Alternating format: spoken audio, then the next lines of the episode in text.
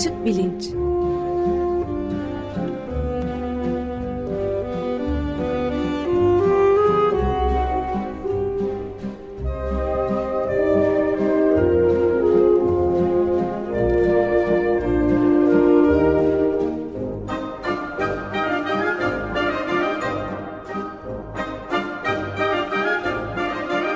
Güven Güzeldere ile bilim ve felsefe sohbetleri.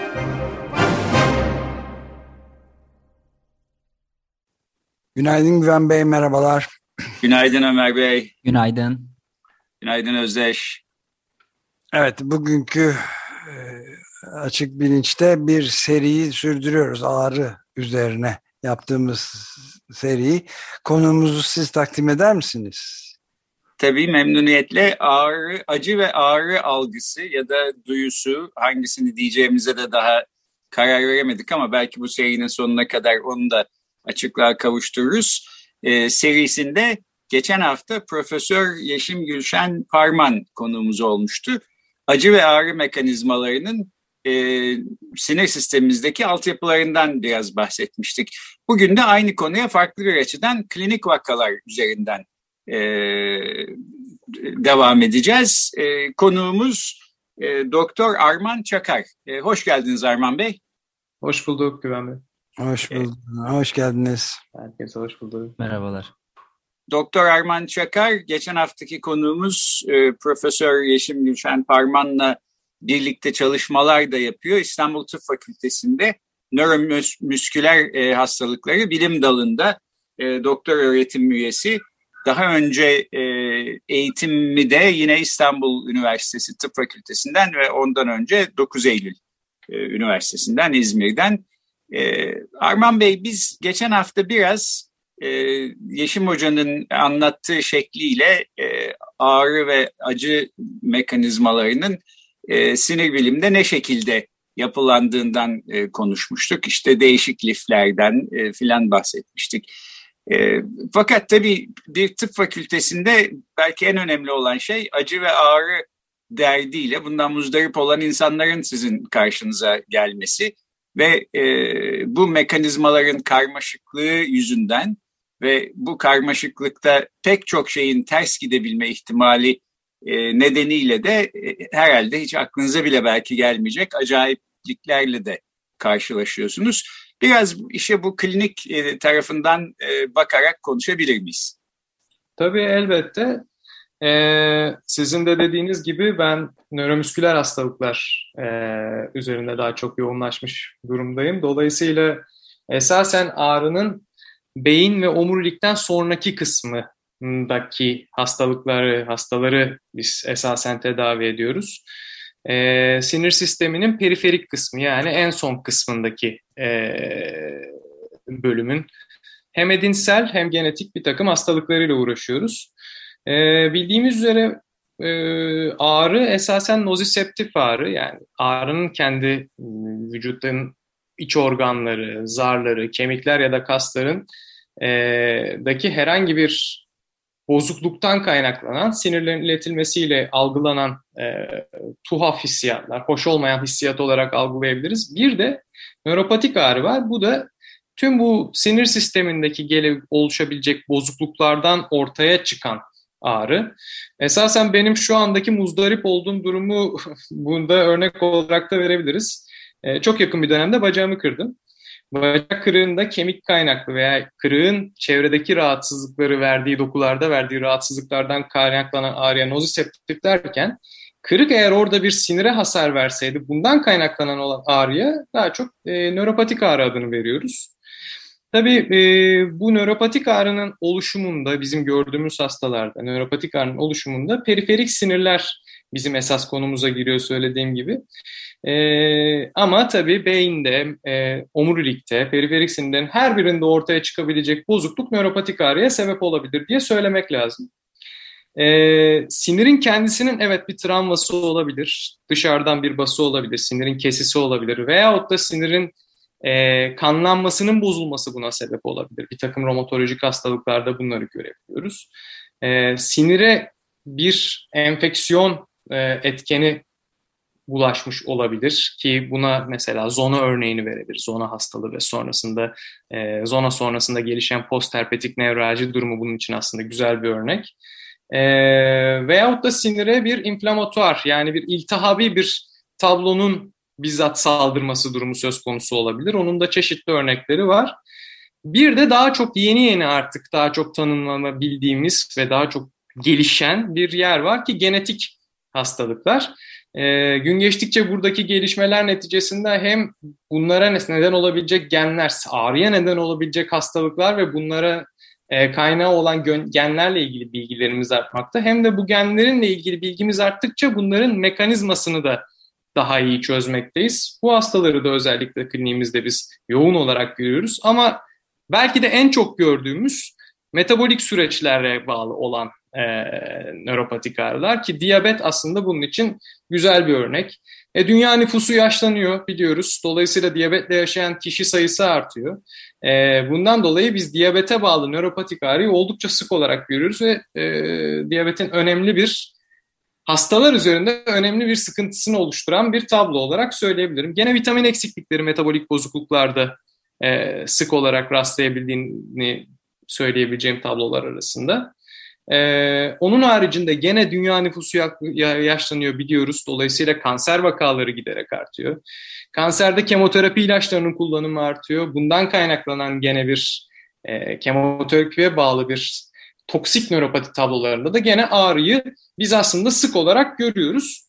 Ee, esasen bu tablolar olarak genelce kabaca özetleyebilirim.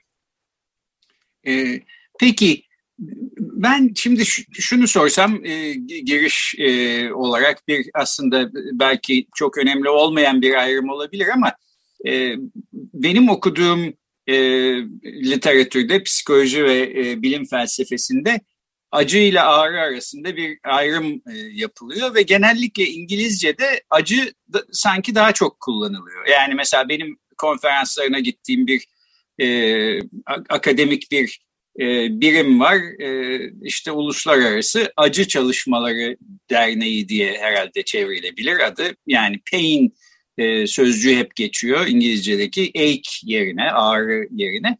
Fakat Türkçe'de benim geçen hafta Yeşim Hoca ile yaptığımız e, programdan da anladığım ağrı daha çok kullanılıyor galiba. Hatta belki acıyı da e, içerecek şekilde bir genel e, halle e, her şeye ağrı mı diyoruz. Böyle dememiz daha mı doğru?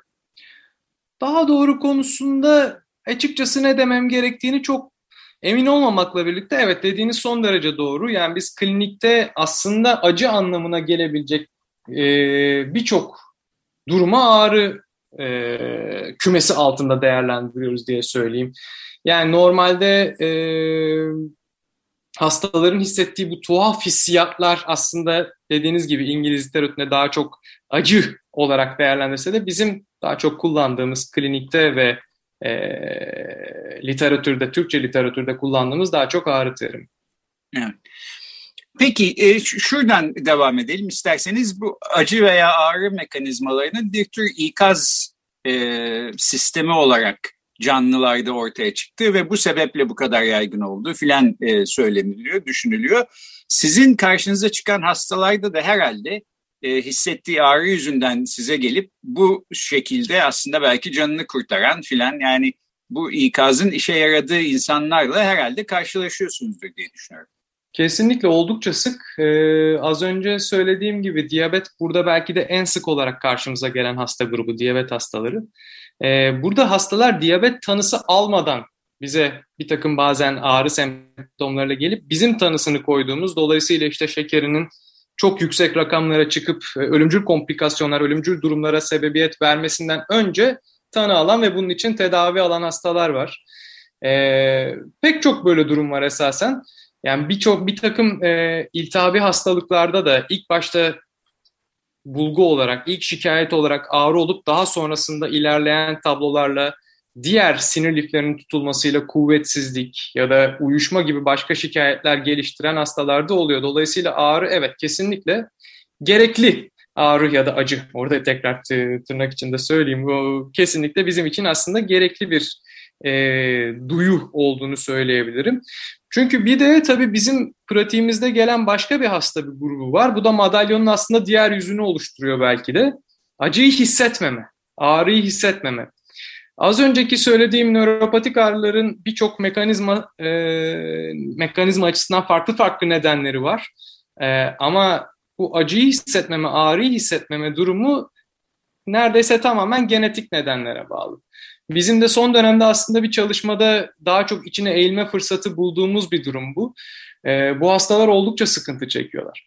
Bu hastalar bize ağrıyı hissetmedikleri için, çocukluk çağlarından beri bu acı hissini, ağrı hissini hiç yaşamadıkları için ayaklarında geçmeyen yaralar, tekrarlayan yanıklar, e, kimi zaman ayak kırılıp farkında olmamaları ve dolayısıyla farklı eklemleşmeler, e, ağızlarında, dişlerde çocukların dişleri çıktıkça bu ağrıyı hissetmemeden dolayı dillerinde yaralarla gelip bunların enfeksiyon kapması neticesinde çok daha sıkıntılı e, halde bize başvuran hastalarımız oluyor. Dolayısıyla bunu düşündüğümüzde özellikle biz ağrının ne kadar gerekli olabileceğini esasen bir kez daha görmüş oluyoruz. Ben bir de şey sorabilir miyim? Demin e, diyabetle ağrı arasında bir bağlantı olduğunu söylediniz. Bunu ben ilk defa duyuyorum yani. E, yaygın bir şey midir bu ilişki? Tabii e, yaygın özel yani diyabeti olan popülasyonda aşağı yukarı yüzde yirmilerdedir e, nöropati ve nöropatik ağrı gözlenmesi. Hele ki kontrolü kötü olan bir diyabette, ilerlemiş bir diyabette bunun e, oranı daha da artmakta. Yani yüzde elli, yüzde altmışlara kadar gelecek şekilde ağrılı bir e, sinir lifi harabiyeti, ağrıya sebep olabilecek bir sinir lifi harabiyeti görüyoruz. Bu çok ilerlerse uyuşma olarak da kendini yani hissizlik olarak da kendini gösterebiliyor. Çok çok çok ilerlerse hatta güçsüzlük olarak bile kendini gösterebiliyor. Ama genellikle ilk ve tipik bulgusu ayakların altında özellikle en e, ileri bölgede parmak uçlarında başlayan e, elektrik çarpar gibi, yanar gibi, batar gibi, kimi zaman donar gibi olan ağrılardır. Bu tanı koydurucu olabiliyor kimi zaman. Şimdi biz e, bu e, serinin girişinde e, işte nörobilimde yeni e, e, rağbet gören bir tezden bahsetmiştik. E, Derek Denton diye Avustralyalı bir fizyoloğun ilk olarak öne attığı ama son 10 yılda benim e, çok sık karşılaştığım bir tez. Diyor ki e, işte insanlar için ya da bütün canlılar için en önemli olan hisler, e, en temel hisler, buna primordial e, emotions e, adı veriyor. Aslında kendi bedenimizin durumuyla ilgili olan hisler. Acı da bunlardan bir tanesi. İşte açlık duygusu, nefes alamıyor hissi filan gibi. Bunların önemini göstermek için de bu hislerin ortaya çıkar çıkmaz bütün zihnimizi bir anda kuşattığı ve bizi bir şey yapmaya zorladığını e, söyleyerek bunu e, gösteriyor. Şimdi acı da ağrı da herhalde biraz böyle bir şey. Yani şuram ağrıyor ama e, işte sonra bakarım demek mümkün olsa da bir yerden sonra mümkün olmaz hale geliyor. Bizi mecbur bırakıyor doktora gitmeye. Bu da herhalde ikaz sisteminin aslında bir e, neticesi olsa gerek diye düşünüyorum. Kesinlikle, kesinlikle. Yani canı acıyan veya bir yeri ağrıyan insanı herhangi bir dış uyarıya maruz bırakıp ona bir tepki beklemek aslında tabii çok kolay bir şey değil. Bunu biz klinikte nasıl görüyoruz? Şöyle görüyoruz. Aslında e, bu sözünü ettiğim periferik sinirlere, e, RIN, periferik sinirlere karşı iltihabi bir yanıt geldiğinde bizim için aslında oldukça korkutucu olan bir hastalık vardır. Guillain-Barré sendromudur ismi. E, bu hastalıkta doktor gözüyle baktığınızda sizin için en sıkıntılı durum evet kas güçsüzlüğü olur. Hasta ellerini kollarını hareket ettirmekte zorlanır. E, ciddi bir uyuşması olur. Hissetmek, hissetmekte zorlanır ellerinde, ayaklarında. Giderek bu artar, kimi zaman yüze kadar ilerleyebilir. E, bir doktor olarak bizi daha çok korkutan bulgular, belirtiler bunlardır. Hatta kimi zaman solunum kasını tutarak e, nefes almayı güçleştirebilir, yutmayı, çiğnemeyi güçleştirebilir. Böyle bir nasıl söyleyeyim şey sıkıntılı bir tabloda aslında kimi zaman hastaların en çok yakında, en çok sıkıntı çektiği şey ağrı oluyor. Biz bunu doktor olarak biraz göz ardı edebiliyoruz ama hasta için ne kadar önemli olduğunu, ne kadar e, bu içsel e, uyaranlara karşı ne kadar kuvvetli bir his olduğunun göstergesi aslında bu. Adam e, hasta hareket edemiyor ama o ağrıyı geçirin benim için şimdilik yeterlidir diyebilecek aşamaya kadar gelebiliyor kim zaman. Evet ve hiç ağrı hissi olmayan insanların nasıl bir dezavantajlı hayat e, sürdüğünü söylediniz. Bunun tersi de galiba mümkün değil mi? Böyle bir aşırı hassasiyet gösteren hastalar da var. Yine bir sinir sistemi bozukluğundan dolayı e, oransız bir şekilde canları yanıyor. Bizim canımızı yakmayacak bir takım uyaranlarla karşılaşıldığında bu da herhalde ciddi bir sorun olsa gerek. Tabii yani ağrının koruyucu özelliklerinin yanında bir de böyle bir tarafı var. Bazen e, ağrıyı kontrol eden mekanizmalarda ki bu beyinde, omurilikte veya yine periferik sinir sisteminde e, olabilir. Buradaki bir bozukluk olduğu zaman ağrıyı arttıran ya da azaltan faktörlerdeki değişimler sonucunda istenmeyen, normalde olmaması gereken, dokunma hissiyle bile ortaya çıkabilen ağrılı durumlar ortaya çıkabiliyor. Tabii bu yani bu kontrol mekanizmasının bozulması e, hem ağrının faydalı yönlerinden e, yararlanmayı geciktir, sıkıntıya sokacak hem de zaten başlı başına e, dış uyaranlara belki kendisini kapatmasına sebep olabilecek kadar e, ciddi bir durum tabii. Peki ben bir de şunu söyleyeyim. Şimdi ağrının bir ikaz mekanizması olma ihtimali yüksek e, diye konuşuyoruz. E, fakat belki mükemmel çalışan bir mekanizma değil. Çünkü hep mesela buna karşı çıkan insanların öne sürdüğü şeyler, e, örnekler şöyle. Şimdi bir takım ağrılar var ki herhangi bir konuda bizi ikaz e, ediyorsa bile bunun ne olduğu belli değil. E, kronik ağrılar nereden kaynaklandığı belli değil.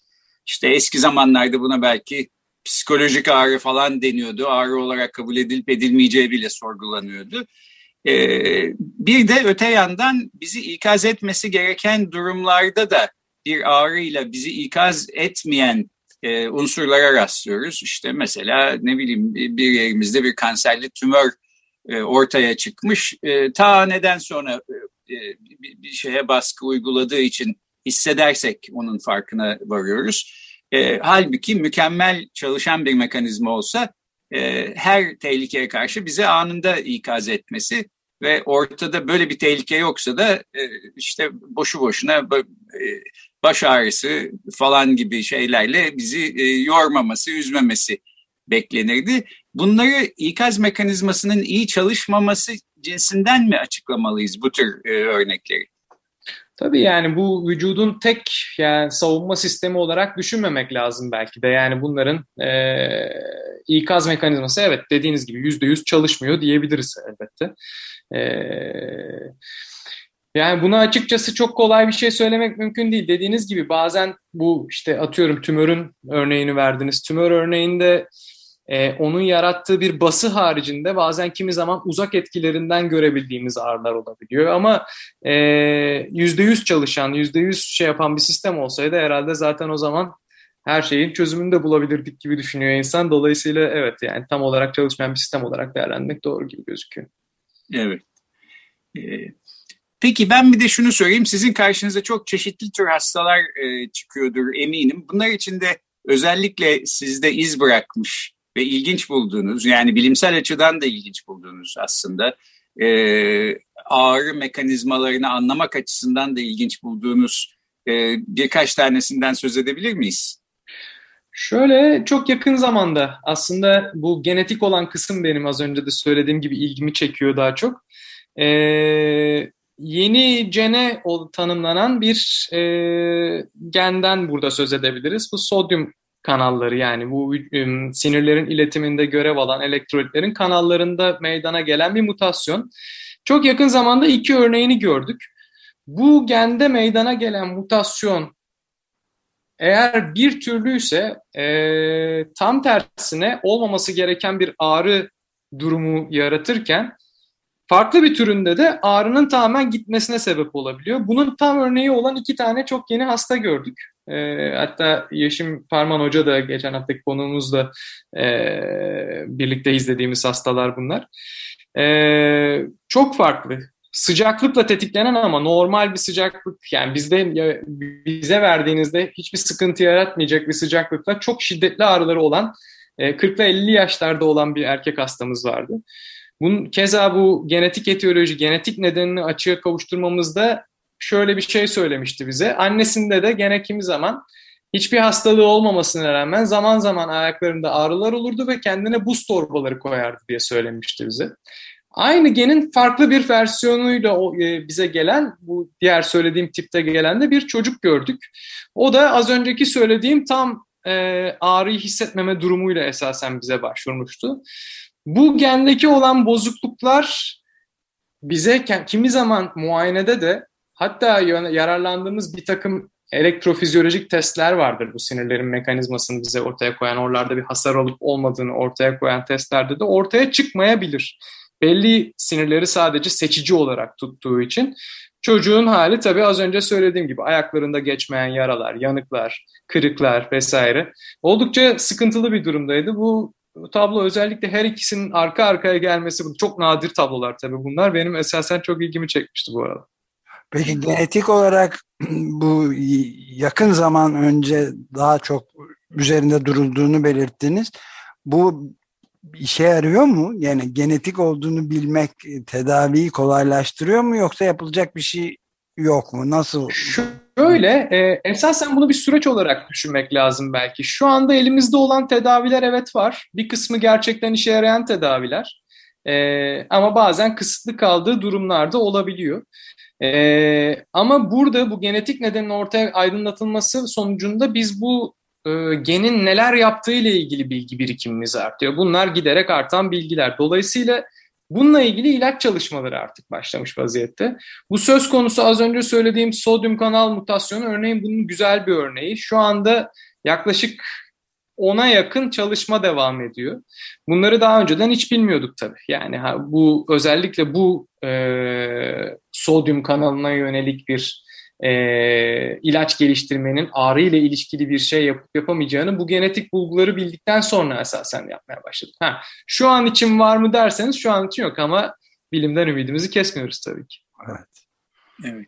Peki bir de sizin literatürde çok adı geçen hayalet ağrı diye bir şey var. Biraz bunun da ne olduğunu e, kısaca açıklasak size böyle bir hasta hiç geldi mi gelmedi mi bilmiyorum ama en azından e, dinleyicilerimizin bilmesi açısından belki faydalı olabilir. Evet bu oldukça ilginç tabii. Yani e, esasen ben böyle bir hasta görmedim. Daha çok e, bunun tanımlanması savaş dönemlerinde esasen olmuştur. E, bir ekstremite yani kol ve bacakları ya da işte parmaklarının bir kısmı e, işte çeşitli nedenlerle kopan veya işte o, kolunu bacağını kaybeden insanların olmayan bölgede o kaybettikleri kolunda hissettikleri bir ağrı hissi bu. İlginç, çok ilginç bir vaka tabii. Ben görmedim.